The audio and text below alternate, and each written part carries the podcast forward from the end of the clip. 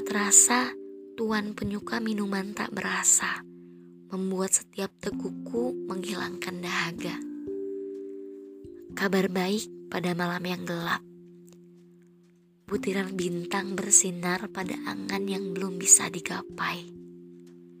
Semoga malam demi malam suara yang menemani adalah aku menemani kegemerlapan hening yang mungkin sekarang sedang asing.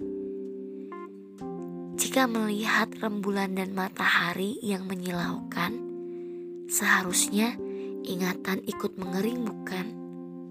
Namun, ingatan ini selalu basah, terguyur hujan lebat menunggu pelangi di kemudian.